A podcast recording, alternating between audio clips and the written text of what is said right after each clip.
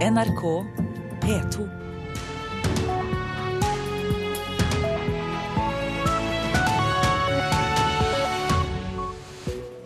Vel møtt til Nyhetsmorgen onsdag 17. desember. Nå 6.30 er dette hovedsaker. Tre dagers landesorg i Pakistan etter angrepet på skole der mer enn 140 mennesker ble drept. Folk i Colombia venter på en hyggelig julehilsen. Framgang i forhandlingene med FARC-geriljaen. Betyr mye for rekrutteringen, det sier boksepresidenten etter at forbudet mot proffboksing er opphevet. Og svak krone er surt for norske studenter i utlandet, men gull verdt for norsk næringsliv.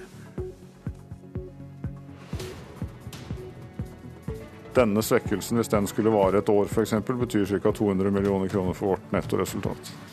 Ja, og Det betyr det for Norske Skog. Vi hørte konsernsjef Sven Ombudstvedt. I Pakistan er det landesorg i tre dager framover etter angrepet mot en skole i Peshawar i går.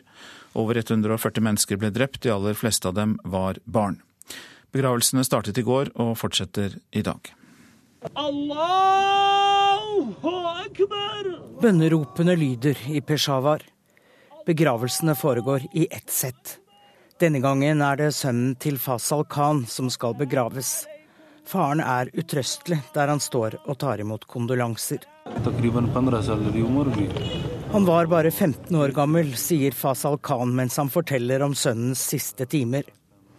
Angrepet på skolen for barn av militære er det verste terrorangrepet i Pakistans historie. I tillegg til de mange døde er minst 125 skadet, flere av dem alvorlig.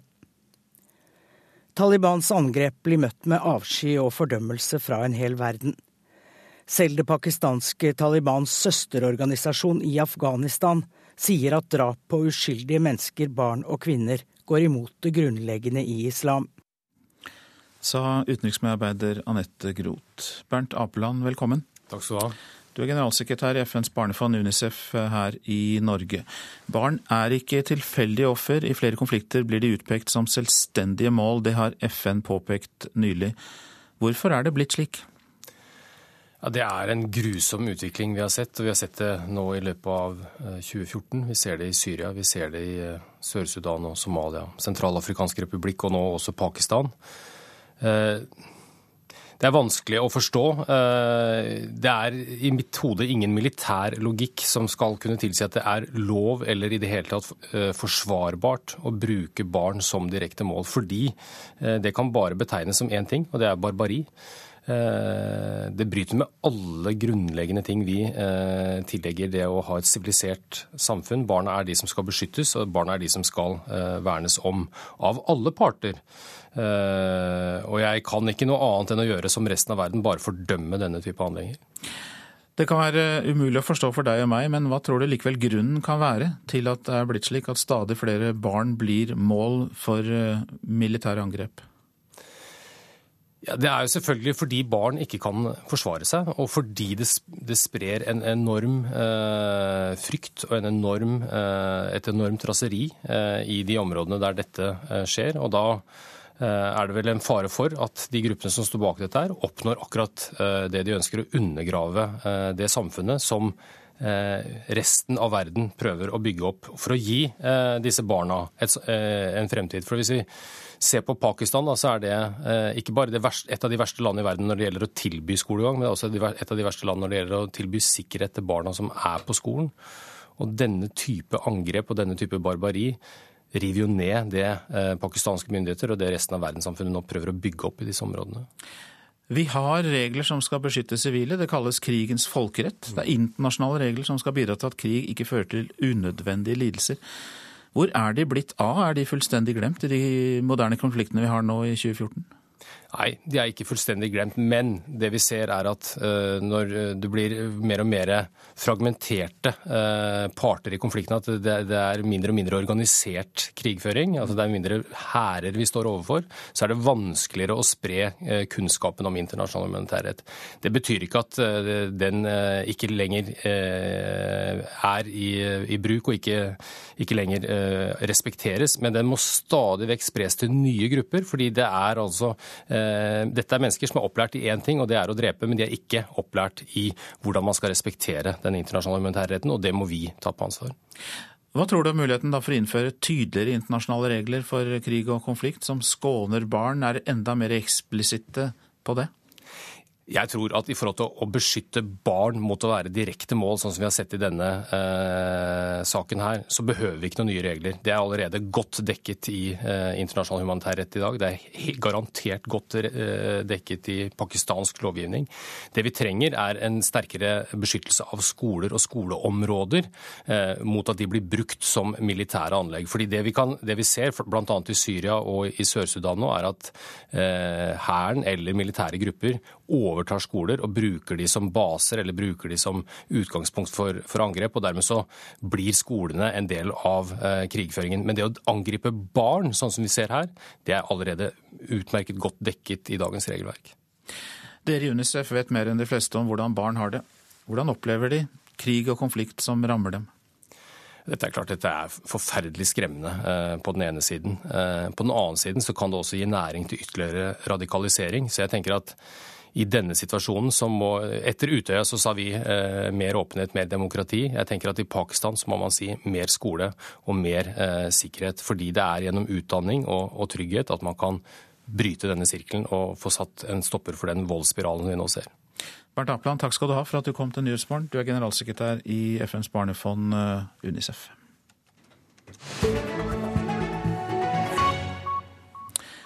Folk i Colombia venter på en hyggelig julehilsen om framgang fra de som forhandler om en slutt på borgerkrigen. Fredsforhandlingene skal etter planen ta julefri i dag, og på møtets siste dag så ber kvinnelige aktivister partene om en våpenhvile. Nuestras voces cuentan. Vår stemme teller, ikke bare for å bygge fred, også for å få slutt på den væpnede konflikten, sier Olga Amparo del Socorro. Hun er en av representantene for de colombianske kvinneorganisasjonene som har reist til Cubas hovedstad for å fortelle hvordan 50 år med krig påvirker dem. Budskapet fremfører hun for partene i konflikten, Colombias regjering og den venstreorienterte FARC-geriljaen. Vi håper en våpenhvile fra begge sider kan være julegaven, legger poeten Patricia Erisa til. Kanskje får hun et svar senere i dag. Erisa og Amparo del Socorro tilhører den siste kvinnedelegasjonen som i høst har besøkt fredsforhandlingene. Kvinnenes tilstedeværelse på forhandlingene er symbolsk viktig. Partene i den blodige borgerkrigen viser at de tar ofrenes bekymringer og innspill på alvor. I to og et halvt år har regjeringen i Colombia med norsk og cubansk hjelp forhandlet med Sør-Amerikas eldste geriljagruppe. Tre av fem kapitler er i boks, som jordreform, politisk deltakelse og en slutt på geriljaens narkotikatrafikk, som finansierer FARC. Men det blir ingen endelig fredsavtale før det er enighet om alle punktene. Vanskelige spørsmål som gjenstår, er rettsoppgjør, ofrenes rolle og avvæpning. Alt skjer samtidig som krigen pågår.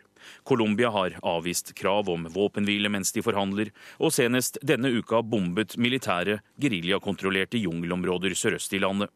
FARC tok nylig en general til fange, men løslot ham etter en ukes tid, da Colombia nektet å forhandle videre. Til tross for midlertidige kriser er det en økende tillit og optimisme for å få til en avtale.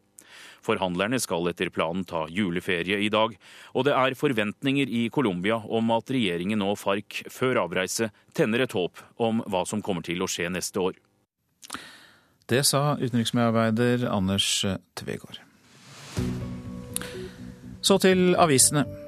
Elleve år gamle Lali er på forsiden av Vårt Land. Hun er en av Pakistans underbetalte bomullsplukkere. Harriet Lamb, som er sjef for Fair Trade, oppfordrer oss til mer rettferdig handel, som Sverige og Sveits, der Fair Trade har en større andel enn i Norge. Kronekollaps og kronesjokk. Det betyr eh, lav kronekurs for maten, ferien, bilprisen, svenskehandelen og utenlandsstudiene. Ja, det er stikkord fra oppslagene i VG og Dagens Næringsliv. Siv Jensen forteller om sine partilederrivaler i Dagbladet. Trine Skei Grande er sta, men real. Erna Solberg har selvironi og er kul. Trygve Slagsvold Vedum har sendt frekke SMS-er og er en glad gutt. Knut Arild Hareide er en seig mann å forhandle med, men raus og varm. Audun Lysbakken er kunnskapsrik og likandes. Jonas Gahr Støre er en hyggelig mann som tenker mye, sier altså Siv Jensen til Dagbladet. Frp-ordfører Eirik Borge i Østfold raser mot sine egne, skriver Klassekampen. De blå-blå skulle gi kommunene mer makt, men ribber dem for oppgaver og fratar dem handlefrihet, sier Borge. Cecilia Brekkhus spiser bløtkake sammen med sine støttespillere i Venstre, Høyre og Frp på forsiden av Bergens Tidende. Nå er jeg ikke kriminell mer, sier hun, etter at forbudet mot proffboksing ble opphevet av Stortinget i går. Politiets sikkerhetstjeneste PST gjør foreløpig ingenting utenfor Oslo, er oppslaget i Adresseavisen. Nå skjerper institusjoner og bedrifter i Trøndelag sine sikkerhetsrutiner etter avsløringene om mulig overvåkning av mobilnettet i Oslo sentrum. SAS-pilotene slår alarm. Dagsavisen skriver om gårsdagens demonstrasjon foran Stortinget.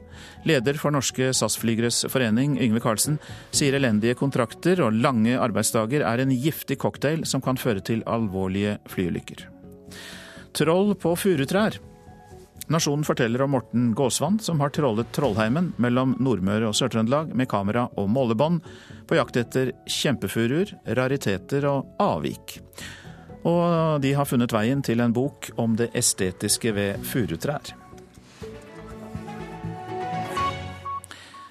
Proffbokseren Kai Robin Havnå jubler over at det nå er tillatt med proffboksing i Norge. Et flertall i Stortinget vedtok i går kveld å oppheve forbudet.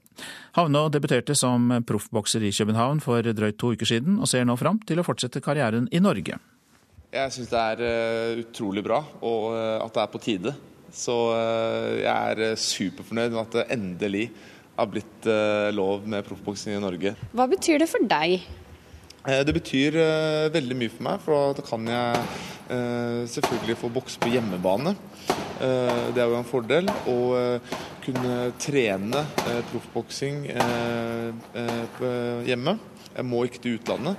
Så, og selvfølgelig i forhold til markedet med sponsor og sånt også, så er det veldig bra for oss utøvere at det blir lov i det landet vi kommer fra. Havners norske trener Torbjørn Gyberg er også fornøyd etter at forbudet mot proffboksing ble opphevet i går kveld.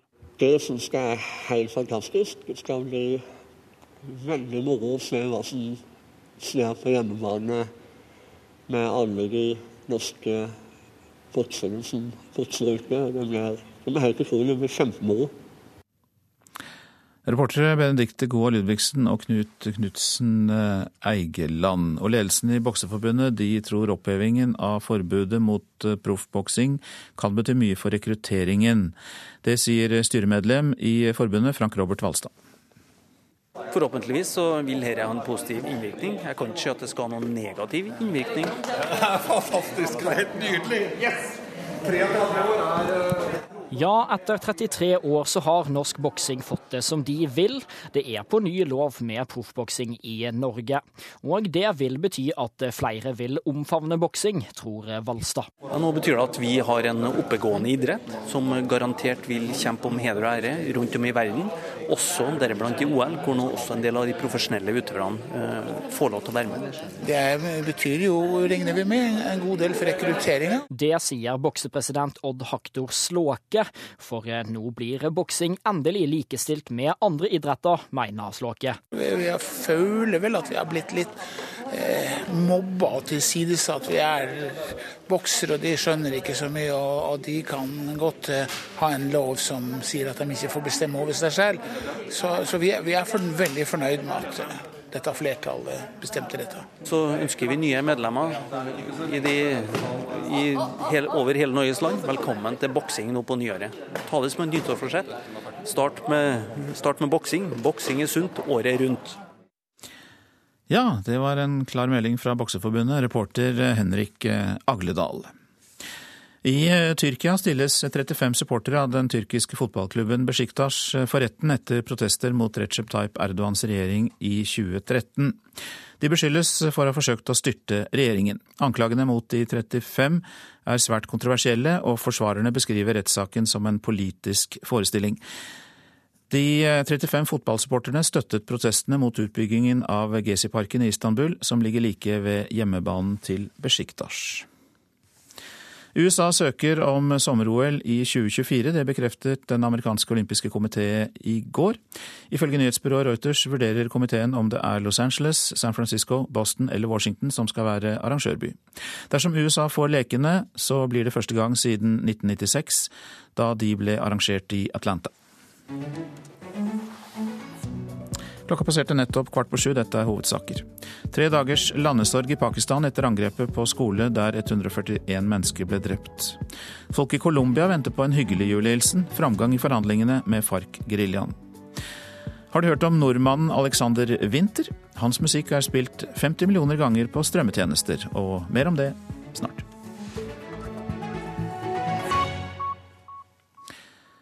Selv om eh, færre blir tatt for å snike på kollektive transportmidler, så opplever kontrollørene mer vold. Og volden eh, kommer gjerne uten forvarsel. Kontrollør eh, Yvonne Johansen sier det er vanskelig å forutse ulike voldssituasjoner som kan oppstå fra togpassasjerene. Det kan jo være alt fra det aller verste hvor noen trekker en eller annen form for våpen, eller at de rett og slett bare helt ut av det blå velger å slå løs, eh, sparke, sånne ting.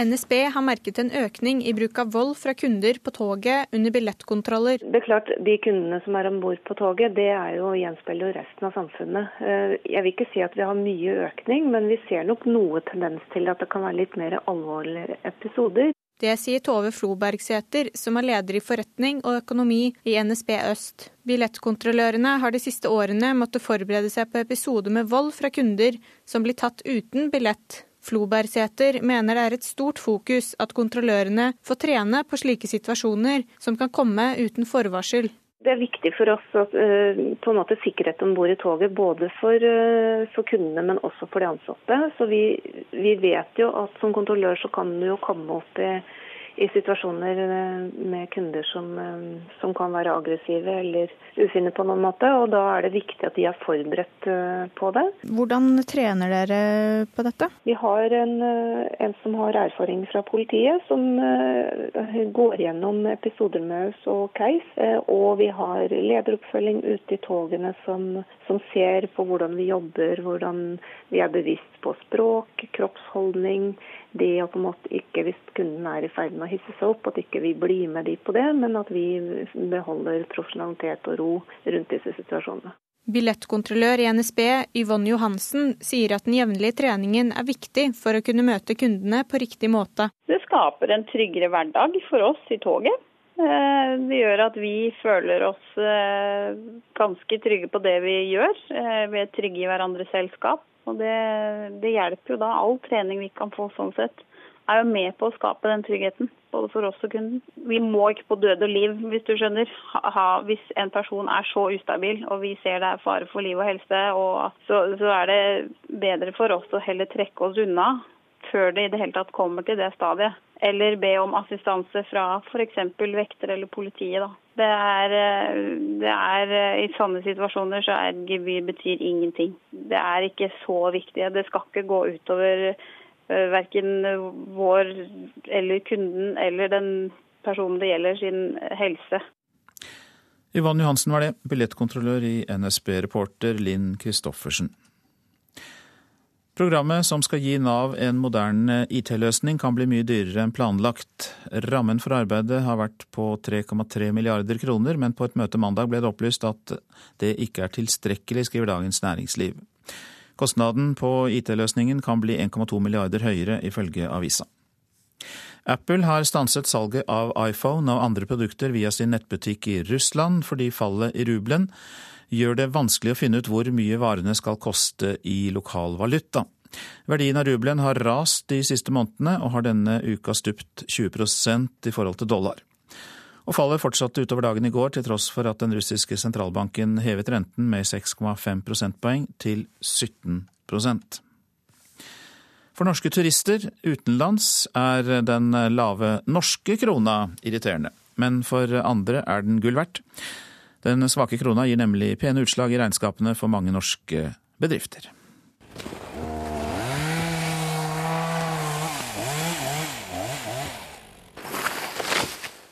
Å felle trær og lage papir av dem har vært en tøff bransje de siste åra, ikke minst for Norske Skog.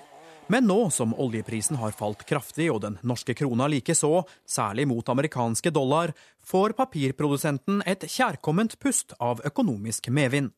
Det kjennes godt, og for oss er det den viktigste relasjonen. Dollar, En sterk dollar er alltid bra, og en svak krone er bra. Så dette er gode nyheter for oss. Sier konsernsjef Svein Ombudstvedt i Norske Skog. Selskapet har mye av inntektene i dollar og mye av kostnadene i kroner, så kronefall merkes i regnskapet. Denne svekkelsen, hvis den skulle vare et år f.eks., betyr ca. 200 millioner kroner for vårt nettoresultat. Vil dette også trygge Norske Skogs eh, arbeidsplasser i Norge? Ja, Alt som eh, øker konkurransekraften i Norge, gjør det. Vi har igjen to store velinvesterte anlegg, ett i Halden og ett i Levanger. Og det er klart at dette hjelper til å trygge arbeidsplasser ved disse anleggene. Men 200 millioner kroner blir nesten som småtterier å regne i forhold til hva f.eks. Norsk Hydro tjener på den svake krona, dersom den holder seg svak, altså. Informasjonssjef Halvor Molland kan nemlig presentere følgende regnestykke. Hvis du ser eh, mot dollar, så vil en 10 eh, økning i dollaren gi oss et eh, økt driftsresultat før skatt på 2,8 milliarder kroner. Og siden dollaren ikke har blitt 10% dyrere, men rundt 20% dyrere siden i sommer, ja da kan gevinsten bli enda større. Vi har jobba veldig hardt med å eh, redusere våre egne kostnader. og Når vi nå får litt hjelp på valutasida, så, eh, så er det noe som veldig mange setter pris på. Det store spørsmålet nå for mange norske eksportbedrifter er om krona vil holde seg svak framover. Slikt er som kjent vanskelig å si noe sikkert om, men sjefanalytiker Ole Håkon Eek Nilsen i Nordea Markets sier muligheten absolutt er til stede. Sånn som utviklingen eh, foregår nå, med stadig fall i oljeprisen, så er det kanskje grunn til å tro at eh, kronen kan holde seg svak en, en god stund til. Reporter, det var eh, Halvard Norum. Arbeiderpartiet vil endre reglene for NRK-lisensen, slik at den knyttes til husstanden istedenfor TV-apparatet.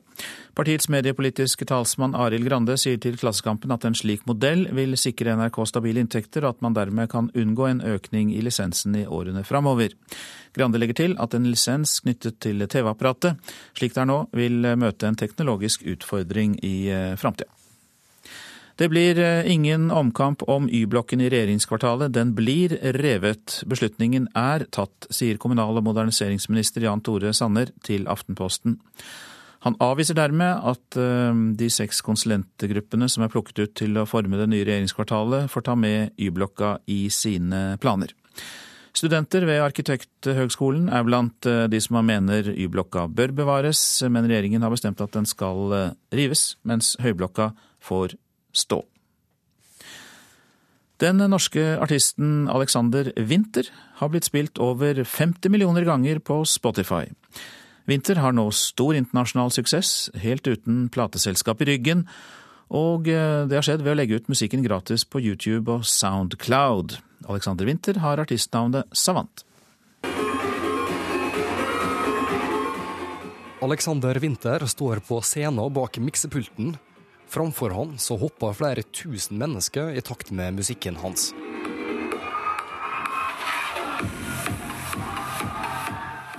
De tre siste åra har han reist verden rundt som DJ. I helga så slapp han et album som heter Zion, og som er det nest mest solgte dancealbumet på iTunes i verden. Og folk kjøper musikken hans, tross i at han legger den ut gratis på YouTube og Soundcloud. Jeg driter i om hvem som laster den ned. Jeg er bare opptatt av at folk har et sånt forhold til meg som person. og at jeg, Hvis de støtter meg, så vet jeg at jeg kommer til å fortsette å gjøre det. der. Altså Folk er bevisst på at wow, hvis jeg støtter han, så kommer han til å fortsette å gjøre det. der. Hvis jeg ikke gjør det, så må han jobbe på McDonald's. Så jeg har bare valgt å legge det rett ut for dem i stedet. Sånn at du viser folk at hei, du, jeg er ikke her for å stjele pengene deres, jeg er bare her for å lage kul musikk. Og jeg vil at flest mulig mennesker skal høre det også. Og nå er det mange som hører på Savant. Hver eneste dag så blir sangene hans spilla en halv million ganger på Spotify.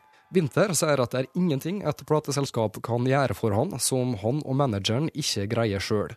Han har nå flytta til Los Angeles, der han lager musikk alene i studio på datamaskin. Jeg har litt sånn ruletthjul i hodet. Når jeg lager musikk. Det er veldig sånn gotisk av meg. da, så det er veldig mye sånn orgel og Veldig glad i Bach, da. Jeg er veldig glad i sånne varme temaer som jeg hørte i barndommen på barne-TV og tegnefilmer og sånn. Prøver liksom å gjenskape de der eh, varme følelsene. Melodisk, veldig melodiøst og harmonier og, og sånne type ting. Den er også veldig sånn Det er noe unikt med Alexander Winther. Den suksessen som han har nå, det kommer av et helt spesielt talent som få andre artister har. Han husker alle sangene og lydene han hører. Så jeg, alt jeg hører, lagres veldig kjapt. Og så er det også følelser og alt dette blander seg opp i en sånn skål oppi hodet. En veldig stor skål, da. En stor skål som heter alt, alt Alex noensinne har hørt. For han har et sjukt godt minne.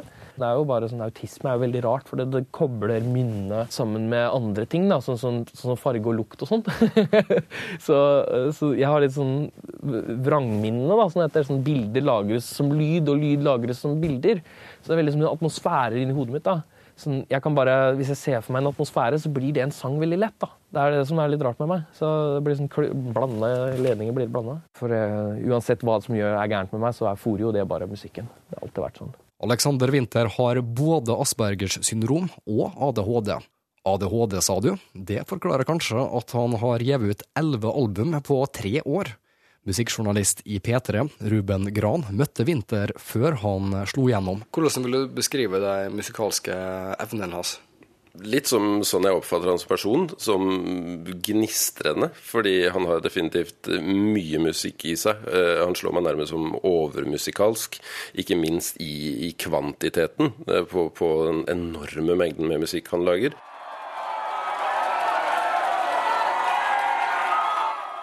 Konserten til Alexander Winther er over. Lyden fra det unge publikummet i USA vitner om hvordan Alexander Winther fra Holmestrand når ut med sin musikk.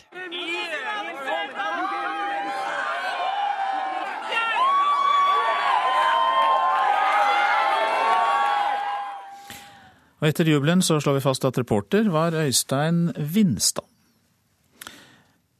Luftkvaliteten i Oslo er til tider så dårlig at mennesker med hjerte- og lungeproblemer kan dø etter dager med høy luftforurensning. Det kommer fram i en ny undersøkelse gjort av Folkehelseinstituttet, Statens vegvesen og Universitetet i Oslo. Funnene er alvorlige fordi det angår så mange, sier sjefingeniør Pål Rossland i Statens vegvesen til VG. Svevestøv og utslipp av nitrogendioksid er de mest alvorlige kildene til helseskadelig luft. Så tar vi fatt på værvarselet fram til midnatt. Fjellet i Sør-Norge får oppholdsvær. Fra seint i ettermiddag økende sørlig liten kuling utsatte steder, og etter hvert snø. Først kommer det snø i vestlige områder av fjellet. Østland og Telemark får stort sett pent vær først på dagen, seinere skyr det til. I kveld kan det bli litt snø, først i vestlige områder. Nedbør kommer som sludd på kysten. Agder får stort sett oppholdsvær. I ettermiddag etter hvert litt regn, først i vestlige områder. Det blir sludd og snø i indre områder av Agder. I kveld lettere vær igjen. Vestlandet sør for Stad liten kuling i nord, stort sett oppholdsvær. I ettermiddag sørøst liten kuling på kysten, stiv kuling i nord. Regn og snø i indre høyereliggende strøk. I kveld vestlig liten kuling utsatte steder. Det blir eh, regnbyger, snøbyger over 300 meter i kveld. Det var altså Vestlandet sør for Stad. Og så går vi til Møre og Romsdal. Der blir det oppholdsvær. I ettermiddag øking til sørlig liten kuling og litt snø, regn i ytre strøk. Trøndelag, der blir det oppholdsvær og til dels pent vær, faktisk. Sørøstlig frisk bris utsatte steder, fra ettermiddag liten kuling. Men seint i kveld kan det bli litt snør, snø sør i Trøndelag. Nordland spredte sludd- og snøbyger først på dagen, ellers oppholdsvær og fra i ettermiddag pent vær. I kveld østlig liten kuling utsatte steder. Troms spredte snøbyger, fra i ettermiddag stort sett pent. Finnmark nordlig liten kuling utsatte steder, i formiddag minkende vind. Spredte snøbyger, fra i ettermiddag til dels pent vær på vidda. Nordensjøland på Spitsbergen, enkelte snøbyger på kysten, ellers delvis skyet oppholdsvær. Temperaturer målt klokka fire. Svalbard lufthavn minus fem. Kirkenes minus én. Alta minus to. Tromsø-Langnes pluss én. Bodø tre. Brønnøysund null. Trondheim-Værnes minus elleve. Molde minus tre. Bergen-Flesland pluss to. Stavanger tre. Kristiansand-Kjevik minus én. Gardermoen minus sju. Lillehammer minus åtte. Røros er nede i minus 20. Oslo-Blindern minus fire grader da klokka var fire i natt.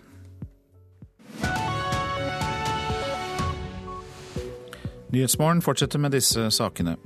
Tre dagers landesorg i Pakistan etter angrepet på skolen der eh, over 140 mennesker ble drept. Norge fortsetter å fengsle flyktninger for å ha brukt falsk ID, selv om Høyesterett mener det er ulovlig. Kan USA få sin tredje president Bush? Mer om det snart i Nyhetsmorgen. Og hør om 25 år gamle Jeanette, som nå melder seg som frivillig nattevakt for eldre, etter at kommunen kuttet sin støtte til vaktordningen. I Pakistan er det landesorg i tre dager framover etter angrepet mot en skole i Peshawar i går. Over 140 mennesker ble drept, de aller fleste av dem var barn. Begravelsene begynte i går og fortsetter i dag. Bønneropene lyder i Peshawar. Begravelsene foregår i ett sett. Denne gangen er det sønnen til Fasal Khan som skal begraves. Faren er utrøstelig der han står og tar imot kondolanser.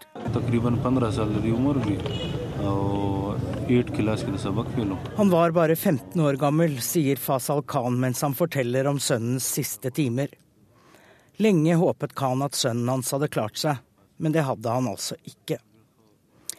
Angrepet på skolen for barn av militære er det verste terrorangrepet i Pakistans historie. I tillegg til de mange døde er minst 125 skadet, flere av dem alvorlig. Talibans angrep blir møtt med avsky og fordømmelse fra en hel verden. Selv det pakistanske Talibans søsterorganisasjon i Afghanistan sier at drap på uskyldige mennesker, barn og kvinner går imot det grunnleggende i islam. Også Pakistans naboland og bitre fiende India sier at de står sammen med Pakistan i kampen mot terrorisme. Statsminister Narendra Modi ringte i går sin pakistanske kollega Nawaz Sharif. Imens fortsetter begravelsene utover dagen i dag. Det er tungt, sier Alia Ashwandi til BBC.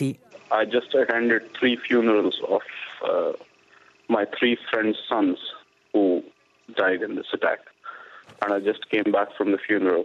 Jeg har allerede vært i tre begravelser, forteller Alia Ashfandi, som selv har en nevø som ble hardt skadet i angrepet. I dag skal han i flere nye begravelser. En talsmann for Taliban i Pakistan tok allerede tidlig i går på seg skylden for angrepet. Det er klart at dette er en hevn for omfattende angrep mot Taliban og andre islamistiske grupper i Nord-Wasiristan, der disse har et fristed. Den pakistanske hæren startet en offensiv i dette området i sommer. Valget av skolen, der elevene er barn av militære, var derfor ikke tilfeldig. De dreper våre barn, derfor dreper vi deres, sa en talsmann for pakistanske Taliban i går.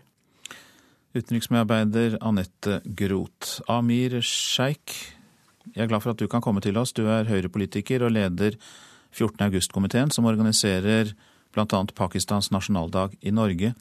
Hvordan vil du uttrykke dine følelser da du hørte om det som skjedde i Peshawar?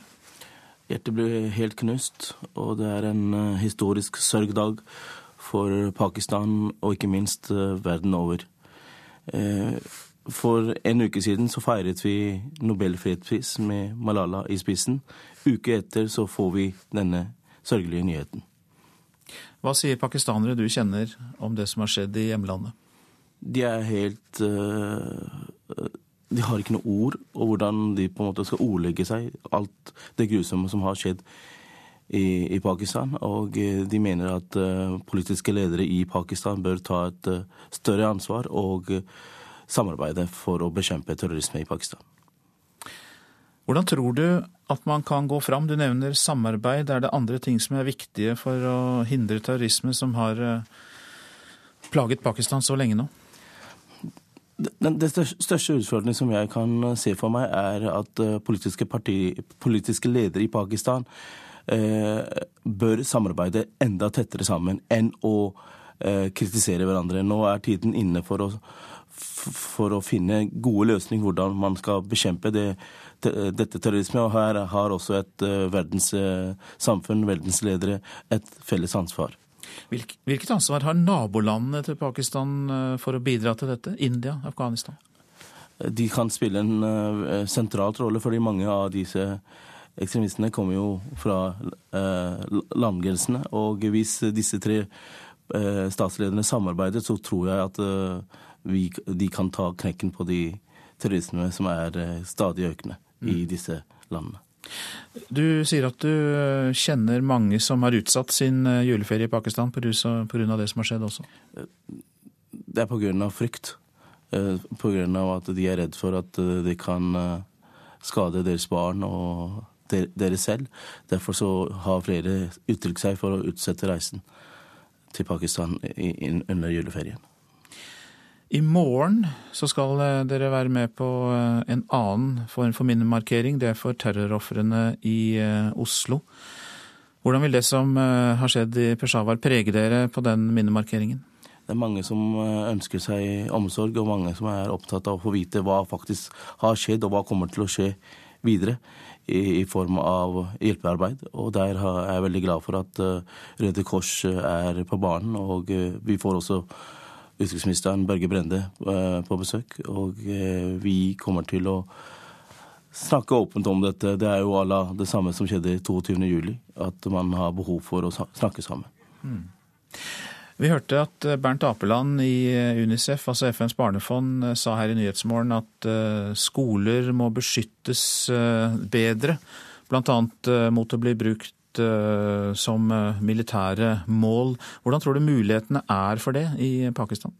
Eh, Pakistan sliter, sliter veldig med å, med, med å, gi sikkerhet rundt skole. For det er jo over 180 millioner innbyggere, og Pakistan har ikke full kontroll. Og der må samfunnet, verdensledere, på banen og bidra med å hjelpe Pakistan med dette.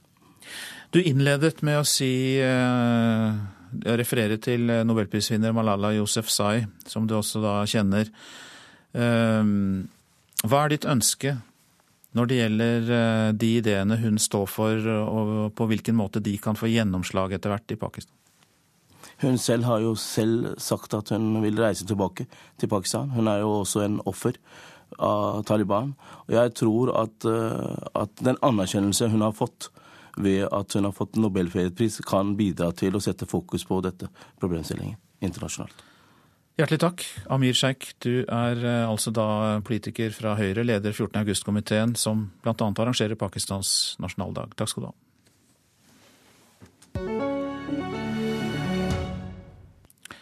Norge fortsetter å fengsle flyktninger for å bruke falsk ID, selv om Høyesterett har gjort det klart at det ikke er lov. I sommer gjorde Høyesterett det klart at flyktninger som bruker falsk ID, ikke skal straffes dersom de innrømmer forfalskningen og søker asyl så fort de kan. Hasem al-Saleh må likevel i fengsel. Han er fra Syria og fikk eh, oppholdstillatelse i Norge i høst. It's not safe at for me and people in my age that I, they have to go to the military. Sometimes no reason, Mere sier ikke 21-åringen om hjemlandet Syria. Han forteller mer om flukten. Reisa fra hjemlandet med broren i begynnelsen av mai i år gjennom Libanon, Tyrkia og Hellas. Han forteller at han betalte 60 000 kroner for et ungarsk pass og flybilletter til Oslo. I get the ID card and the paper for the plane and på Gardermoen blir han tatt med falske papirer. Han søker asyl og innrømmer forfalskinga på stedet, og får fengselsstraff. Like etter uttaler Høyesterett at Norge over lengre tid har brutt flyktningekonvensjonen. Vi kan ikke straffe flyktninger som kommer med falske dokumenter, hvis de innrømmer forfalskninga og søker asyl så fort de kan. Men likevel Hassem skal i januar sone 45 dager i fengsel for å ha brukt falske papirer. Han er ikke den eneste, sier André Møkkelgjerd i Norsk organisasjon for asylsøkere. Vi kjenner konkret til eh, åtte saker hos oss, og flere av disse kalles nå inn til soning, eh, til tross for at Høyesterett eh, i tiden mellom når de ble, ble dømt og, og nå har sagt at denne handlingen kan være lovlig.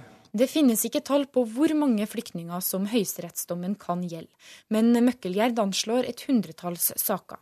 Jusprofessor Mats Andenes er FNs spesialrapportør om vilkårlig fengsling, og mener det her er alvorlig. Disse individene skulle ikke vært straffet. Etter høyesterettsdommen i sommer ga Riksadvokaten nye retningslinjer om hvordan lovverket skulle tolkes. Men de var ikke gode nok, sier Andenes, som mener det er Riksadvokatens jobb å rydde opp. Spørsmålet som du tar opp er for de som da har fått dommer før disse retningslinjene kom. Eh, eh, og eh, vel, i de tilfellene så gjelder jo disse retningslinjene like fullt. Prinsippene i denne høyesterettsdommen er de samme. Riksadvokaten må nå da lage retningslinjer som stopper eh, soningen for disse individene. Eh, det er i strid med norsk rett om de nå må i, i fengsel, og det er i strid med, med, folkeretten. Riksadvokaten sier til NRK at de ikke har sett behov for nye retningslinjer, og henviser til eksisterende regelverk. I want to study here like I was studying Syria. Hassem er ikke en helt uvanlig 21-åring. Målet hans er å fortsette studiene fra Syria i økonomi og regnskap, og til slutt få seg en jobb. Men uten klargjøring av hvem høyesterettsdommen fra i sommer gjelder, ser det ut til at Hassem må starte det nye året i fengsel. It's not a good start to be here in Norway, like to go to prison. People like take you as in prison. You have done something bad if you did go to prison. Reportere her Marit Gjelland og Jan Inge Johansen. Det brukes 7 milliarder kroner på flyktningtilskudd i norske kommuner. Men verken kommunene eller staten vet noe sikkert om hvordan resultatet blir. Hvordan det går med å få flyktningene ut i jobb. Eh, når vi ikke har det verktøyet, eh, så savner vi jo at eh, kommuner selv eh, har et større fokus eh, på dette. Regiondirektør i Inkluderings- og mangfoldsdirektoratet avdeling sør, Ingrid Setre, deler ut over 400 millioner kroner til flyktningarbeid i kommunene på Sørlandet. Men uten å vite hvor mye det hjelper flyktningene. Det er jo noe som har undra oss litt over eh, flere år. At det har vært lite fokus fra ledelsen i kommunene på hva faktisk eh, integreringstilskudd og andre tilskudd eh, brukes til. I går fortalte NRK om bygda Gjerstad, der svært få flyktninger kommer seg i jobb. Gjerstad, som mange andre kommuner, kan ikke svare på hvorfor. Elfie Jonassen er leder for familiehuset i Gjerstad kommune. Vi fører ikke noe regnskap med hvordan det går med de etter at de er ferdig med introduksjonsperioden. Og Det skal vi se på uh, nå framover, for det er jo egentlig interessant. Hvor ble de av, hvordan klarer de seg videre? Svært mange flyktninger ender opp som sosialklienter. Det er dyrt for kommunene. Derfor skal Gjerstad neste år evaluere egen innsats, sier varaordfører Inger Løite. Vi ønsker at dette her skal eh, gås igjennom. Hva har vi gjort, eh, hva har vi gjort feil, og, og lage en plan på det integreringsarbeidet. I 2013 brukte staten 7 milliarder kroner på flyktningstilskudd i landets kommuner. Inkluderings- og mangfoldsdirektoratet har savnet en bedre kontroll med pengebruken, og er glad for at flere kommuner nå vil se på dette. Hvis noe av målsettingen med det er å se hvordan kan vi forbedre de tiltakene vi har i dag, eh, for å unngå at flere kommer på sosialhjelp i framtida, så er jo det veldig positivt. Reporter her Håkon Eliassen. Klokka nærmer seg 7.17. Dette er hovedsaker i nyhetene. Tre dagers landesorg i Pakistan etter angrepet på skole der over 140 mennesker ble drept, de fleste av dem barn. Norge fortsetter å fengsle flyktninger for å ha brukt falsk ID, selv om Høyesterett mener det er ulovlig. Det blir ingen omkamp om Y-blokken i regjeringskvartalet. Den blir revet, sier kommunal- og moderniseringsminister Jan Tore Sanner. Og vi skal høre om en millionsprekk for Navs dataløsning. Kan eh, USA få sin tredje president Bush? Ja, det er faktisk mulig, for i går annonserte lillebroren til George W. Bush, Jeb, at han vurderer å stille som republikaneres presidentkandidat i 2016. Vår USA-korrespondent har sett nærmere på lillebror Bush. If I decide to run for office again, it will be based on what I believe.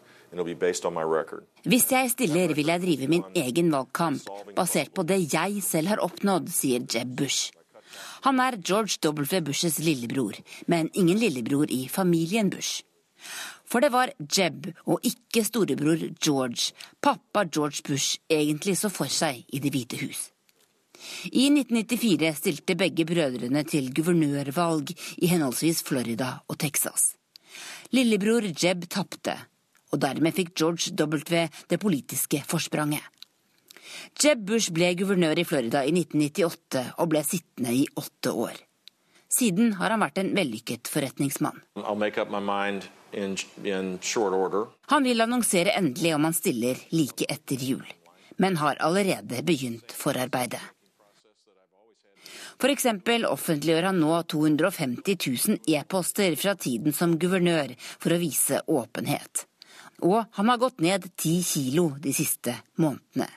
Kanskje for å komme sin mer overvektige utfordrer Chris Christie i forkjøpet. Jeb Bush er populær blant dem som sitter på pengene hos republikanerne.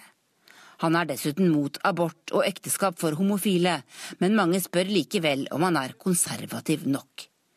Selv sier han at han vil bygge broer i det splittede republikanske partiet. We could uh, focus on all of our disparate parts, all the points of disagreement that uh, conservatives have, and never win again. Dette er en annen styrke Jeb Bush har. Eh, Han har kone fra Mexico og snakker spansk uten aksent. Slik vil han kunne sanke viktige stemmer fra velgere med latinamerikansk bakgrunn. Skulle Jeb Bush bli nominert, kan det altså bli Clinton mot Bush i 2016, slik det var i 1992. Mange mener Bush vil ha en bedre sjanse mot Hillary Clinton enn mot mange andre demokrater. Men én kvinne mener han ikke bør stille.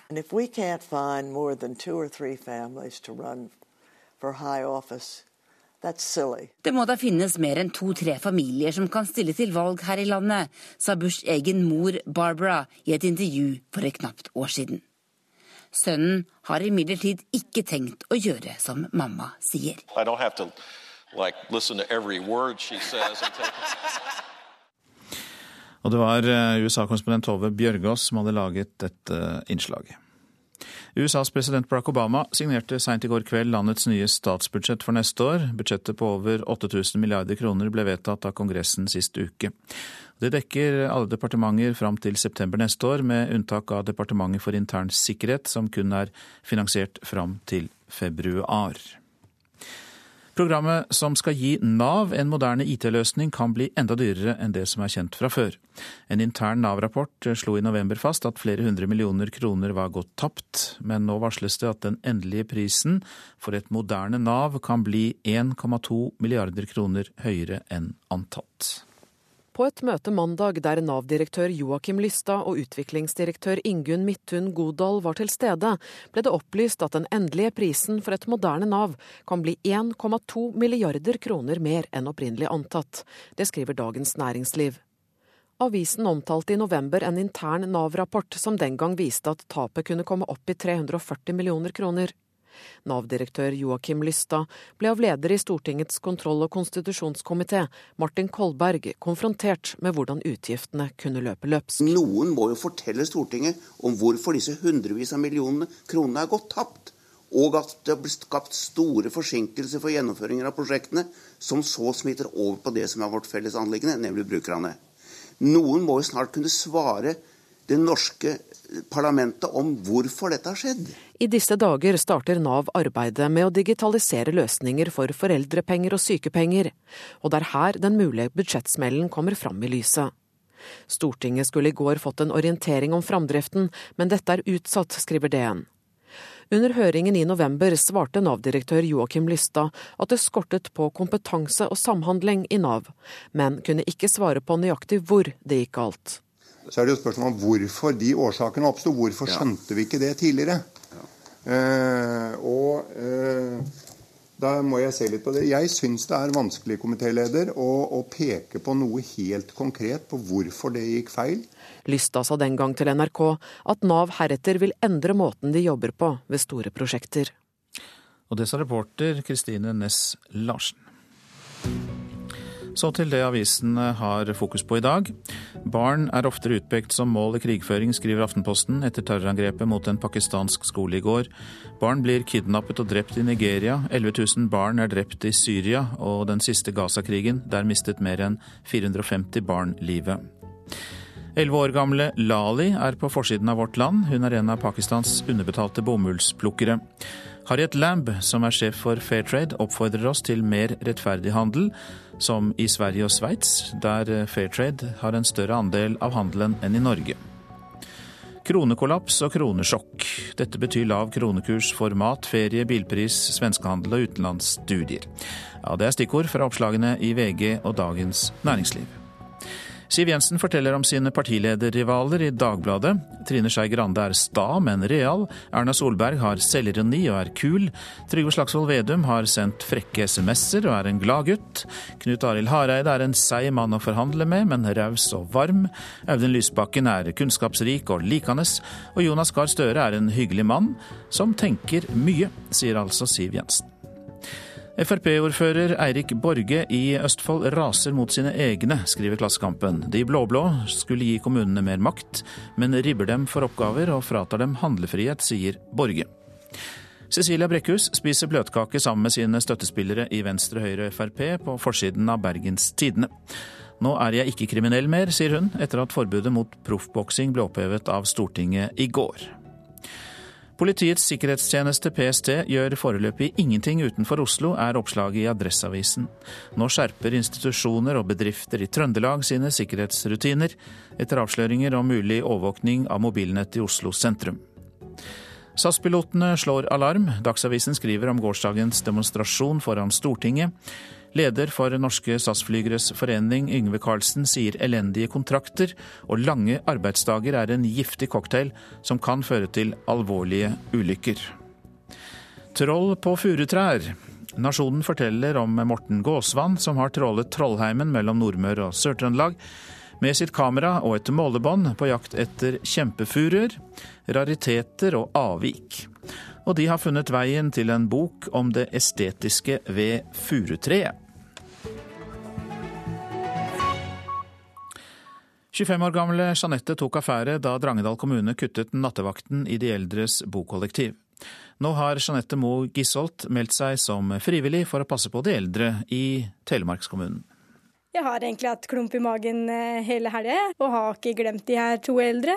Og tenker at eh, det er helt forferdelig at de, når de er så gamle, må sitte og være redde og engstelige for at ikke de skal få hjelp om det skulle skje noe. Hun har tenkt på de to siden hun hørte dem på radioen før helga.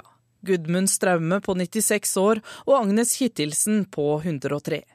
Begge er engstelige for å miste nattevakta på bokollektivet de bor på. Jeg tenker at vi er 14 stykker, vet du. Og ingen kan hjelpe hverandre vet du, hvis det skulle hende noe i natt, vet du. Ja, jeg, jeg har slutta å tenke nå, for det nytter ikke. Vi må bare tie og tåle, som en har gjort bestandig. Drangedal kommune sparer 1,3 millioner kroner på å fjerne én nattevakt. Nå er det to igjen som skal dekke alle hjemmeboende eldre og to bofellesskap i bygda. Jeanette Moe Gisholt kan ikke sitte stille og se på. Hun føler at noe må gjøres. Hun er fast bestemt på å ta av egen fritid for å hjelpe de eldre. Historien om Agnes og Gudmund rørte henne sterkt. Det var de, det gode venneparet på 96 og 103 år som, eh, som er så fortvila over eh, situasjonen sin og sier at de må tie og tåle det her, så tenker jeg at eh, da må i hvert fall andre stå opp og si at eh, sånn kan man ikke ha det i Norge. Ja, Det må jeg si imponerer meg veldig. At eh, en såpass ung tenker og ser de problemene det er for de eldre å føle seg utrygge. Så jeg syns det er en veldig beundringsverdig tanke. Birgit Lia er medlem i Eldrerådet i Telemark. Det gjør inntrykk på henne at ei ung kvinne vil stille opp frivillig for å gjøre eldre trygge om natta. Samtidig mener Lia at det er viktig at ikke hvem som helst slipper til i eldreomsorgen. Det må gode sikkerhetsrutiner til. Jeg syns absolutt det bør være plass for frivillige, og det blir vi mer avhengig av etter hvert. Eh, men det er klart det må visse kvalifikasjoner til, og det må være noen helt klare avtaler. Og det må jo være en uh, sikringsbestemmelse i bånn der. Men at vi har bruk for frivillige i eldreomsorgen etter hvert, det er jeg helt sikker på. Jeanette er utdanna barnevernspedagog og jobber i dag på et omsorgssenter for enslige mindreårige asylsøkere. Hun jobber flere døgn i strekk, for så å ha fri en lengre periode. Jeg har en annen jobb jeg må ta hensyn til først, men de fridagene jeg har, så får jeg komme ut og jobbe som nattvakt om det skulle være nødvendig. 25-åringen stiller mange spørsmål rundt hvordan de eldre blir behandla når slunkne kommunekasser fører til kutt i eldreomsorgen. Det burde ikke de eldre kunne føle seg trygge og godt nok ivaretatte? Burde ikke en verdig alderdom være en absolutt eh, selvfølge? Det syns jeg at det ikke blir nå, når man ikke får den eh, hjelpen man trenger. Er det noe du kommer til å gjøre alvor av, å ringe til, til Drangedal og høre om de trenger det? Selvfølgelig. Jeg hadde ikke gått ut med det her og sagt at jeg vil jobbe som frivillig hvis ikke jeg hadde ment det. Ja, det sa Jeanette Moe Gisholt til reporter Stine Hansen Bakkebø. Russland har invitert Nord-Koreas leder Kim Jong-un til å delta i en seremoni som markerer slutten på annen verdenskrig i mai neste år. Det melder en japansk avis, Asha Shimbun. Dersom Kim Jong-un kommer til seremonien, vil det bli hans første utenlandsbesøk siden han tok styringen i det lukkede landet i 2011. Og i Russland så vil Kim trolig møte Russlands president Vladimir Putin. Du lytter altså til Nyhetsmorgen, produsent i dag Tonje Grimstad. Her i studio Øystein Heggen. Og så minner vi om at statsminister Erna Solberg kommer til Politisk kvarter for å oppsummere siste halvår som regjeringssjef. Og I reportasjen etter Dagsnytt så kan du høre at Tyskland har vedtatt å lovfeste kjønnskvoter i næringslivet. Tyskland er et av de landene i Europa som har lavest kvinneandel i ledende stillinger både innenfor privat og offentlig sektor.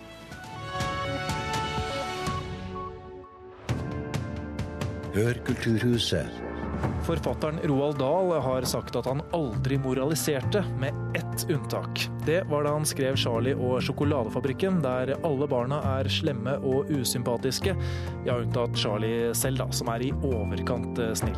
I år er det 50 år siden denne klassikeren kom ut. Kulturhuset. I dag klokka 13 på NRK P2.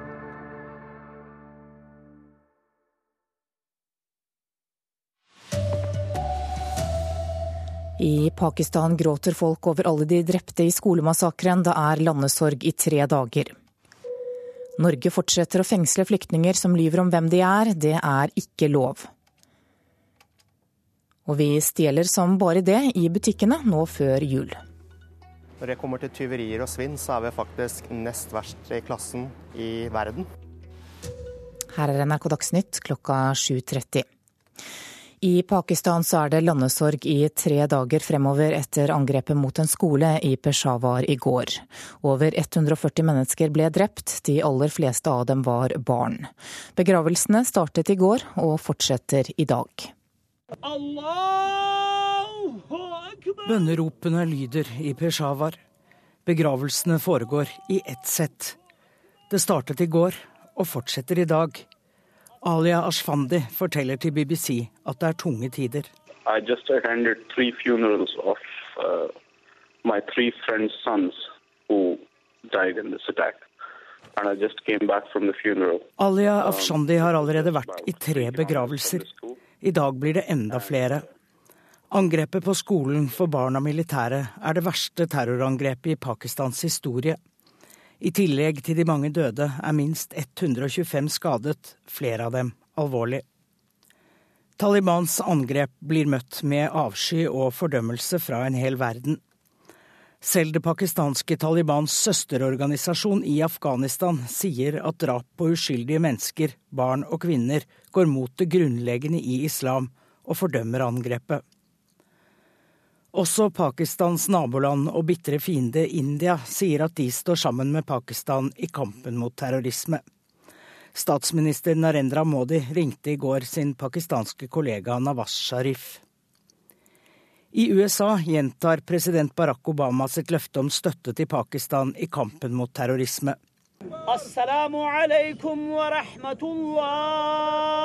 Imens fortsetter begravelsene utover dagen i dag.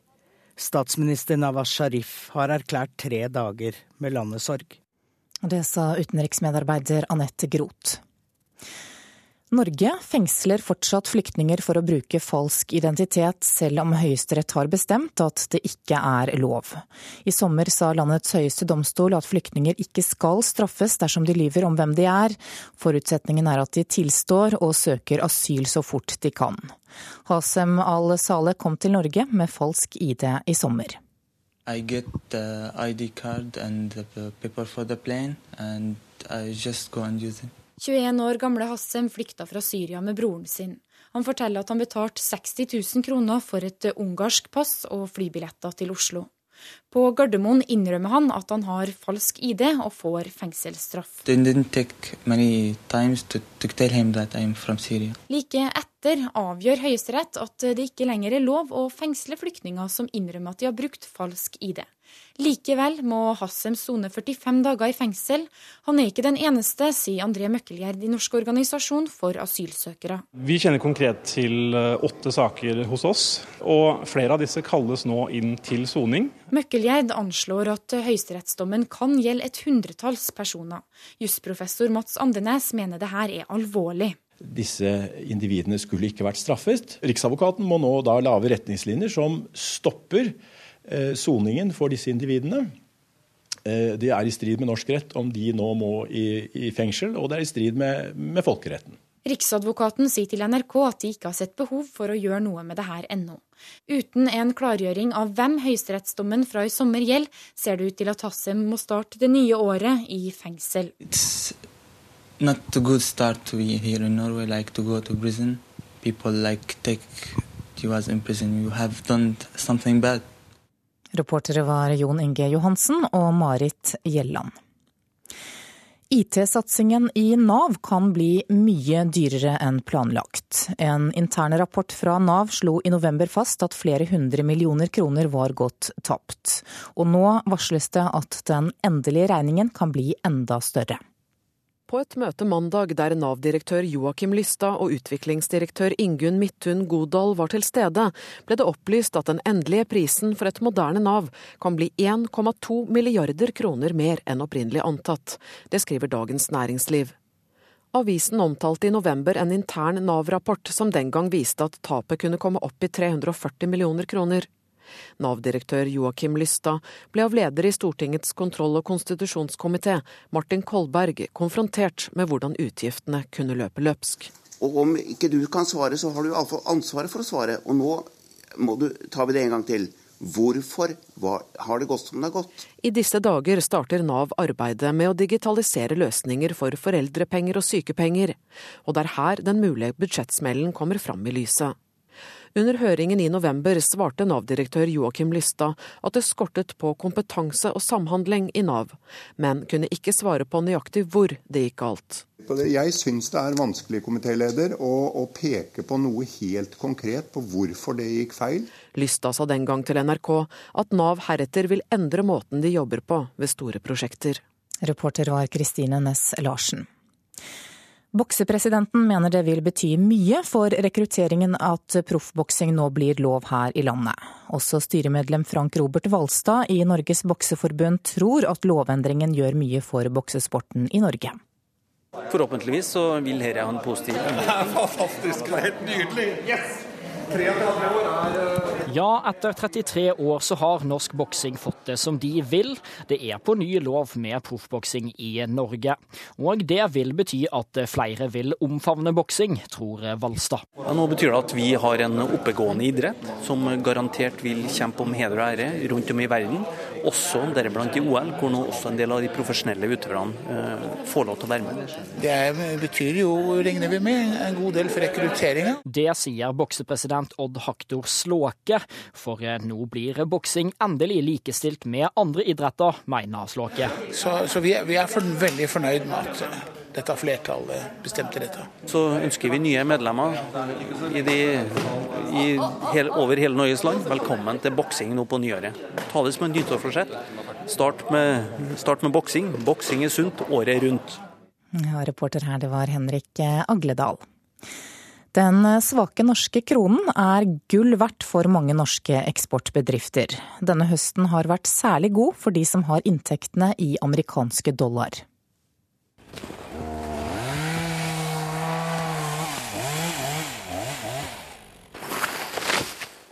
Å felle trær og lage papir av dem har vært en tøff bransje de siste åra, ikke minst for Norske Skog. Men nå som oljeprisen har falt kraftig og den norske krona likeså, særlig mot amerikanske dollar, får papirprodusenten et kjærkomment pust av økonomisk medvind. Det kjennes godt, og for oss er det den viktigste relasjonen. Dollar, En sterk dollar er alltid bra, og en svak krone er bra. Så dette er gode nyheter for oss.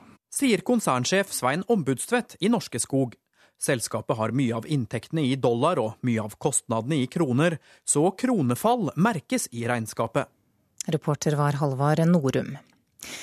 Vi stjeler mer nå før jul. I år så er det ventet at vi kommer til å knabbe varer for 800 millioner kroner i ukene rundt julaften, og det er 7 millioner mer enn i fjor, viser tall fra Infratech.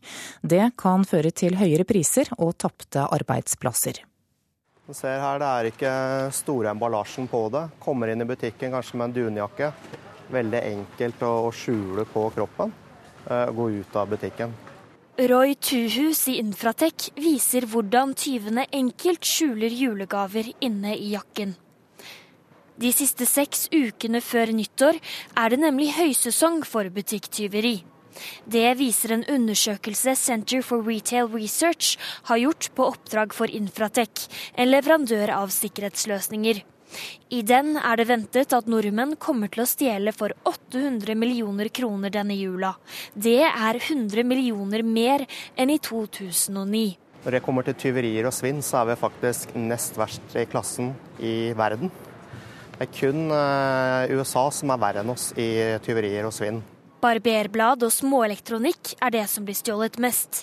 Deretter kommer kosmetikk og helseprodukter, som oftest blir puttet under jakken. Mens de litt mer profesjonelle tyvene de har med seg preparerte vesker, eh, bager eh, som er foliekledde, for å avskjerme mot eh, gamle varesikringssystemer. Og fylle vesker og ta gjerne med seg større volum ut av butikken. Hva konsekvenser kan dette få? Konsekvensen kan være dyrere varer for oss som forbrukere. I ytterste konsekvens så kan det være at butikkene går konkurs, og at arbeidsplasser blir borte. Reportere var Synne Asheim Haga og Agnes Fasting. Ansvarlig for denne sendingen var Arne Fossland, teknisk ansvarlig Marianne Myrhol og her i studio Anne Jetlund Hansen.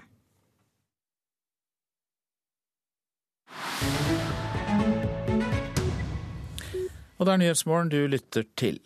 Tyskland har for første gang vedtatt å lovfeste kjønnskvotering i næringslivet. Vedtaket ble gjort i forrige uke og kom etter en hard debatt. Kjønnskvoten er nå satt til minimum 30% for landets største bedrifter. Tyskland er et av de land i Europa som har lavest kvinneandel i ledende stillinger, både innenfor privat og offentlig sektor. Arnt Stefansen har sendt denne reportasjen fra Berlin.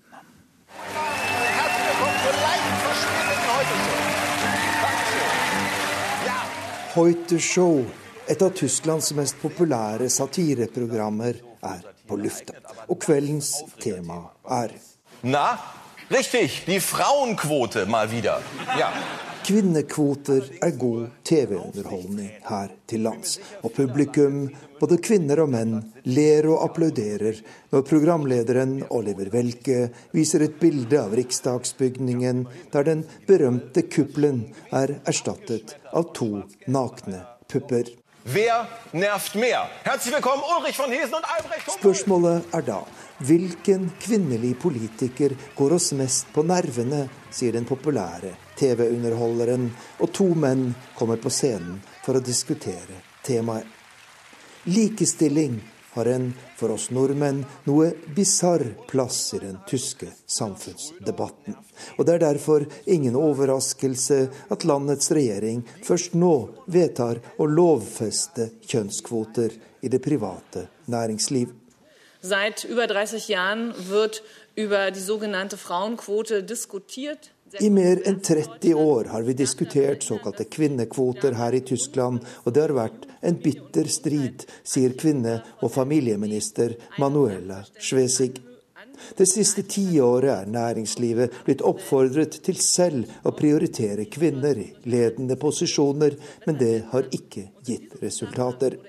Derfor er det en historisk dag når vi nå har vedtatt en lov som påbyr store børsnoterte selskaper å ha minst 30% av hvert kjønn i styre og bedriftsforsamling, sier ministeren.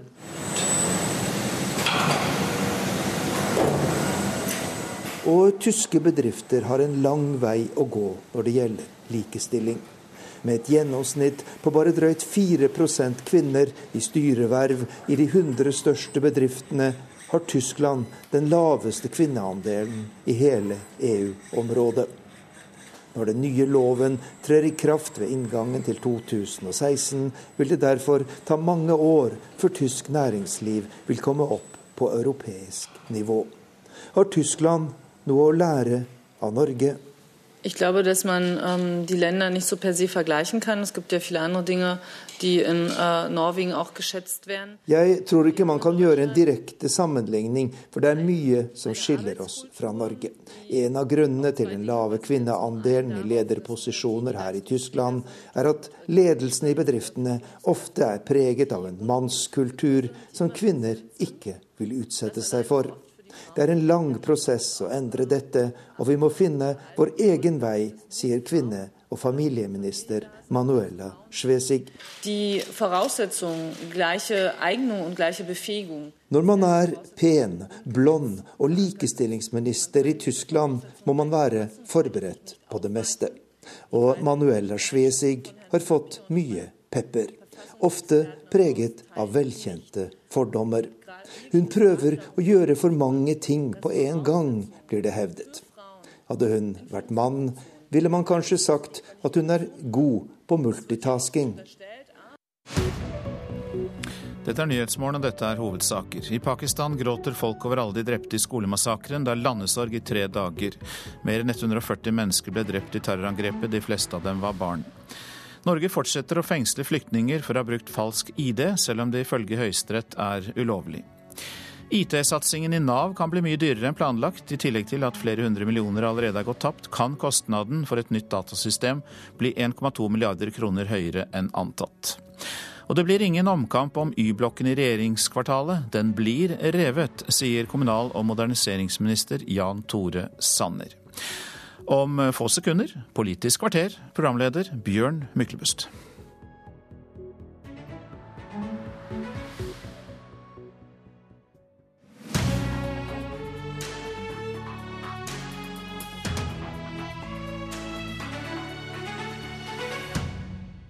Velkommen til Politisk kvarter, statsminister Erna Solberg. Takk. God morgen.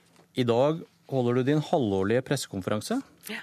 Husker du hva dere sa da den rød-grønne regjeringen la pressekonferanse på samme dag som spørretimen i Stortinget? Det eh, var sikkert kritikk, men vi har jo da lagt det etter spørretimen i Stortinget i dag for å passe på akkurat det. På sekundet etter? Ja, og det har å gjøre med at det er mye annet som skjer i morgen. Vi er bl.a. til Brussel for dette viktige møtet der. Dere sa det var forakt for Stortinget den gang, og det oppnår vel kanskje at aviser, radio og TV nå prioriterer statsministeren og ikke kritiske spørsmål til Siv Jensen, som du sender til Stortinget? Men Vi begynner uh, vår pressekonferanse etter spørretimen, og jeg er sikker på at norske journalister og avishus klarer å gjøre to ting etter hverandre. Ikke vær for sikker. Men, uh, og dermed så tror jeg man får dekket begge deler. Vi får se hvem av dere som får mest oppmerksomhet. Du kunne svart at det ikke har manglet på oppmerksomhet rundt Stortinget denne høsten? Har det vært en styrke for demokratiet at vi nå kan følge reelle budsjettforhandlinger på Stortinget? Altså jeg mener det er styrke for demokratiet at Stortinget faktisk kan gjøre gjør endringer og kan gjøre endringer på et regjeringsopplegg. At det ikke er så finforhandlet som det var i åtte år under den rød-grønne regjeringen. Det er ikke først og fremst oppmerksomheten om at folk går inn og ut av dører og forhandler som er viktig, men det er det at organisasjoner, andre som mener noe er ikke riktig i et budsjett, som ønsker endringer i et forslag vi fremmer, har en reell mulighet i en åpen arena å påvirke resultatet gjennom at Stortinget nå har reelle behandlinger. fordi at eh, det er ikke bestemt fordi at et flertall har sittet og forhandlet regjering, i regjeringen og blitt enige om ting, og har gjort det før sakene ble belyst i den store offentligheten. Du, det syns jeg er en styrke for demokratiet, ja. Men du ønsker jo egentlig å flytte prosessene bak lukkede dører? Ja, men jeg håper jo også at vi, som vi sa da vi var i opposisjon og i, i valgkamp, at vi vil uansett står for en politikk hvor vi skal lytte til eh, Stortinget, ha en åpen prosess i Stortinget. Men ditt første valg er en flertallsregjering hvor dere lukker disse dørene akkurat som de rød-grønne gjorde? Nei, jeg mener de rød-grønne var eksepsjonelt annerledes enn det enhver forsker har sagt at tidligere, eh, tidligere flertallsregjeringer har vært. For da ble det gjort mye mer endringer i Stortinget. Man lyttet mer til de innspillene som kom. Det som var spesielt i åtte år, var nettopp fordi man hadde forhandlet seg så detaljert gjennom sakene, så ble det gjort veldig få endringer på Stortinget. Dere ble enige om statsbudsjettet med Venstre og Kristelig Folkeparti, men alle de fire borgerlige partiene var også enige om at prosessen ikke hadde vært helt optimal. Dere måtte finne en annerledes måte å gjøre det på neste gang. Har dere begynt å snakke om hvordan? Vi har snakket om, vi, vi, om, om dette. Og så tror jeg alle partiene skal tenke litt igjennom for seg først. Eh, jeg tror det viktigste er at vi gjorde noen valg Eh, etter at vi ble enige om å ikke sitte i regjering, men ha en avtale. Det valget var bl.a. at man ikke skulle involvere så mye i budsjettarbeidet på forhånd, for man ville stå uavhengig eh, når budsjettet kom. Eh, men vi har kanskje sett at det betyr at på områder hvor, hvor vi har muligheten til å være enige og dele på æren for forslag, for det lå jo forslag i det budsjettet vår regjering la frem, som var inspirert av e- enighet vi hadde både med Kristelig Folkeparti og Venstre, at de får del på en måte i det på en bedre måte enn den formen vi hadde nå, hvor, eh, hvor da mye oppmerksomhet blir på de, de punktene man ikke var enige om, men så var det veldig mye i budsjettet man var enige om. Hvorfor ble det da sånn? Jeg tror at det blir alltid litt sånn at vi lærer dette. Det første hele budsjettprosessen denne regjeringen har hatt, det er der vi har prøvd eh, modellen for samarbeid. Og da er det alltid lurt å være, ja, tenke igjennom hvordan, eh, hvordan vi kan få til bedre samarbeid, og kanskje også synliggjøre enighet vi har som ikke er ting som skal endres på i Stortinget. F.eks. så har vi en kolossal satsing på forskning, utvikling og innovasjon i det budsjettet. Det, er jo, det forslaget vi hadde var høyere, det er blitt enda høyere i Stortinget. Men vi har eh, eh, Det har jo vært blant de tingene som Venstre f.eks. prioriterte veldig høyt i valgkampen, og som de var veldig fornøyd med når det kom i budsjettet. Det forsvinner litt i en diskusjon hvor det er punkter man er uenig om. Da LO varslet streik mot endringene i arbeidsmiljøloven sa du det er ikke grunnlag for å streike mot det vi nå gjør. Dette har det norske folk faktisk stemt for. Når du ser på målingene etter statsbudsjettet, der velgerne forlater dere, blir du ikke litt usikker på om du har dekning for de setningene? Dette dreier seg om endringene i arbeidsmiljøloven. Og det er klart Vi har signalisert at vi kommer til å gjøre endringer i arbeidsmiljøloven. Og så tar jo du nå dette sitatet ut av en sammenheng hvor jeg sa Men du var ikke feilsitert? Nei, jeg respekterer fullt ut at de at, at man er uenig og at man vil streike. Men det er slik at det at et borgerlig flertall ville medføre at det ble noen endringer i arbeidsmiljøloven, for å sørge for at de som har det vanskelig med å komme inn i arbeidsmarkedet, kommer bedre inn i arbeidsmarkedet, for å sørge for at de pasientene som trenger arbeidsordninger rundt seg som skaper ro og bedre psykisk og fysisk tilstand, eh, som vi har mange eksempler på, på rundt omkring i landet utprøves, at de ordningene skal bli lettere å gjennomføre, og at vi flytter en makt fra fagforeningene sentralt til å dele den makten med Arbeidstilsynet, det syns ikke jeg er den store endringen. Men jeg syns det er viktig for stabiliteten for noen av de svakeste i vårt samfunn, og for mange av de lokale eh, fagforeningene som har blitt enige med sin arbeidsgiver om at vi skal, skal jobbe på en annen måte her. Men, men det er noe med logikken bak denne setningen. Dette har det norske folk faktisk stemt for. Og mener du den setningen er gyldig for innholdet i statsbudsjettet også?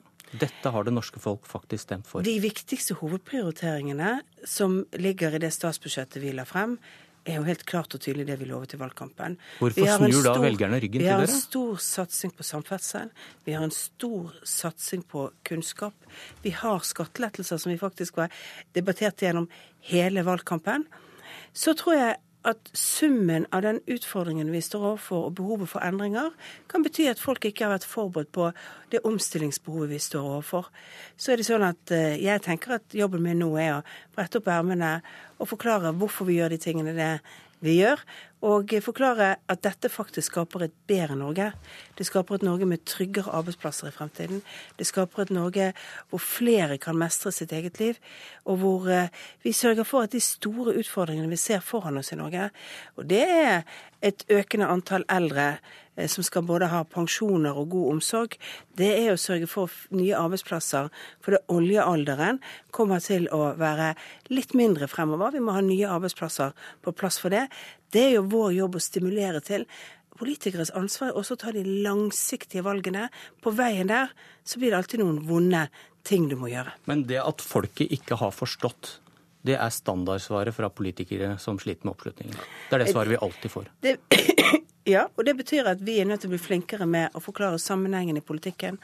Ofte i dag-til-dag-debatten så tas enkelteksempler, enkelte enkelt forslag ut og blir diskutert nøye.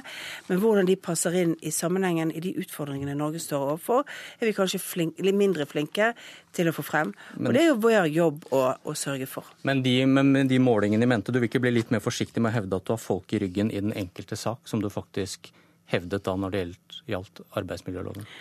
Ja, det er iallfall sånn at Ingen burde være forbauset over at vi foreslo endringer i arbeidsmiljøloven. Det var også et godt debattert tema i valgkampen. Vi har faktisk tatt dette opp gjentatte ganger og foreslått det. Og det er altså i utgangspunktet et flertall på Stortinget som har ment at vi trenger å sørge for en bedre terskel inn for de svakeste i arbeidsmarkedet. At vi trenger å sørge for at arbeidstidsordningene våre er bedre tilpasset de behovene tjenestene våre uttar, ikke minst innenfor for, for, viktige områder som psykisk utviklingshemmede, for psykiske pasienter skal tilbake igjen til, til kommunene, eller en eldreomsorg som trenger å få til heltidsjobber eh, for å være mer attraktive. Og Da må vi kanskje gjøre noen endringer på dagens regler. Du, Denne uken skal Bent Høie si om det skal bygges sykehus i Molde eller i Kristiansund. og Det stilles nå spørsmål om han har opptrådt ryddig i forkant. og I går så ville han ikke si om han har sagt hva han mener om dette til styret eller administrasjonen i Helse Møre og Romsdal eller helseregionen Midt-Norge. og Er det greit for en helseminister å fortelle hvor han mener sykehuset bør ligge, i mer uformelle samtaler? Jeg har ikke tenkt å kommentere hva han har sagt eller ikke. Han har svart Stortinget. Du trenger Stortinget. ikke kommentere, du kan har... svare på om er det greit at han eh, sier hva han mener? Eh, er, at en minister, en helseminister sier det? Jeg vet at Bent Høie har vært opptatt av at dette skal være en prosess som bygger på de faglige kravene. Dette har vært en prosess som bygger på de faglige tilrådningene. Det er mye følelser.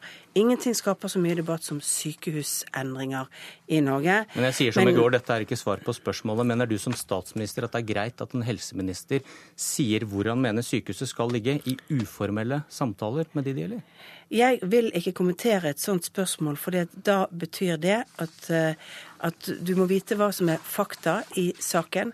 Det er ikke uvanlig at det finnes styringsdialog med helseforetakene på ulike tema, og den styringsdialogen er redegjort godt for i forbindelse med ulike dokumenter til Stortinget. Og da er det greit at det kommer fram hans mening om saken eventuelt, da? Ja, nå ber du meg om å si noe om en sak som jeg mener at jeg ikke skal kommentere. Brå overgang. Du er visst mye morsommere enn folk tror, sier Siv Jensen til Dagbladet i dag. Er du enig? Eh, jeg vet iallfall at jeg ikke så ofte bruker den humoren jeg har, fordi at eh, løsrevete sitater ofte blir mat for politiske journalister eller for andre politikere. Og hvis du har litt ironi, eller om det er selvironi eller annet, så er det en tendens til å bli brukt som et våpen mot deg. Men du vet, Politisk kvarter går direkte, så når du kommer tilbake hit, så kan du ikke bli klippet i stykker? Det er fint. Men eh, neste gang bruker noen et sitat jeg har sagt til deg, vet du.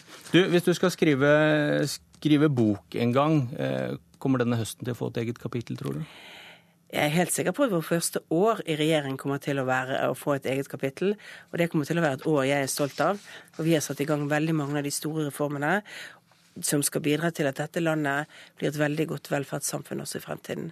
Det er sånn at Norge står overfor et vendepunkt i forhold til hvilken økonomi vi kommer til å ha i fremtiden, hvis vi ikke nå klarer å sørge for at det å investere i arbeidsplasser, det å utvikle ny teknologi, eh, blir mer attraktivt og en større del av det vi driver med i Norge, ja, så vil vi faktisk ikke klare å finansiere velferdssamfunnet vårt sånn som vi er kjent med det. Dette er en kjempeoppgave. Det er den oppgaven regjeringen jobber med hver dag. Takk, Erna Solberg. Velkommen, politisk kommentator i NRK Lars Nehru Sand. Eh, hvordan vurderer du Erna Solbergs analyse av hvorfor velgerne forlater regjeringspartiene? Du, Dette har vært en interessant samtale å lytte til, fordi Solberg går veldig langt i å, å i større grad enn før, føler jeg, eh, ha en selverkjennelse på hvilken pedagogisk utfordring hun som statsminister har, og, og også ta selvkritikk på hvordan man har løst den jobben i høst, ved å forklare velgerne hvorfor man gjør hva man gjør. Eh, jeg liker den forklaringen bedre enn en forklaring som handler om at, at velgerne bare ikke forstår eh, nærmest sitt eget beste, eller hvorfor politikerne gjør som de gjør. Eh, forskjellen på de to tilnærmingene handler om hvor man plasserer hovedansvaret. og det er klart at Med det image-problemet regjeringen har fått, så er det regjeringen selv som har en, en stor utfordring som handler vel så mye om pedagogikk som om kommunikasjon, selv om det henger sammen. Det borgerlige samarbeidet besto den store testen i høst. De ble enige om et, det første ordentlige borgerlige statsbudsjettet. Men, men hvorfor gjorde det så vondt å bli enige? Fordi det begynte med at de i stor grad skrev seg fra hverandre og leverte primærpolitikk både i, i et eh, statsbudsjett fra re, forslag fra regjeringen og i alternativ budsjett, ikke minst fra Kristelig Folkeparti og Venstre. Eh, da ble den politiske veien å gå til å finne frem til det, den felles overbygningen alle fire var enige om for et år siden da de landa avtalen, lenger enn den kanskje burde blitt. Eh, og Det er jo Solbergs store utfordring inn i 2015, er å få de fire partiene med på at det var tross alt noe vi var enige om, som ikke bare handla om å få ut den rød-grønne regjeringen. Eh, det var en overbygning, et felles politisk prosjekt, som man nå må eh, nærmest på ny forankre hos alle fire og bli enige om hva man skal legge i det. Eh, Solberg har vært opptatt av å ruste Norge for fremtiden, men det har åpenbart blitt for vagt, slik at alle fire partier har lagt inn i det sine partiprogram, hvor det jo tross alt er en viss avstand. De er enige om at noe må gjøres med selve prosessen før neste gang de skal forhandle budsjett, men eh, hva slags alternativer har de? Det handler om hvor tidlig og hvordan Venstre og Kristelig Folkeparti kommer på banen og får informasjon, som Solberg selv har vært inne på i, i samtalen med deg. Og, og, Det skjønner jeg er vanskelig, å finne et, et egnet, en egnet modell for det. For det er klart Venstre og Kristelig Folkeparti vil ikke bli stilt ansvarlige, men de bør ha en viss informasjon, nettopp fordi Solberg har et behov for å forankre. Lars Nehru Sand, takk for at du var med i Politisk kvarter. Jeg heter Bjørn Myklebust. Hør flere podkaster på nrk.no podkast.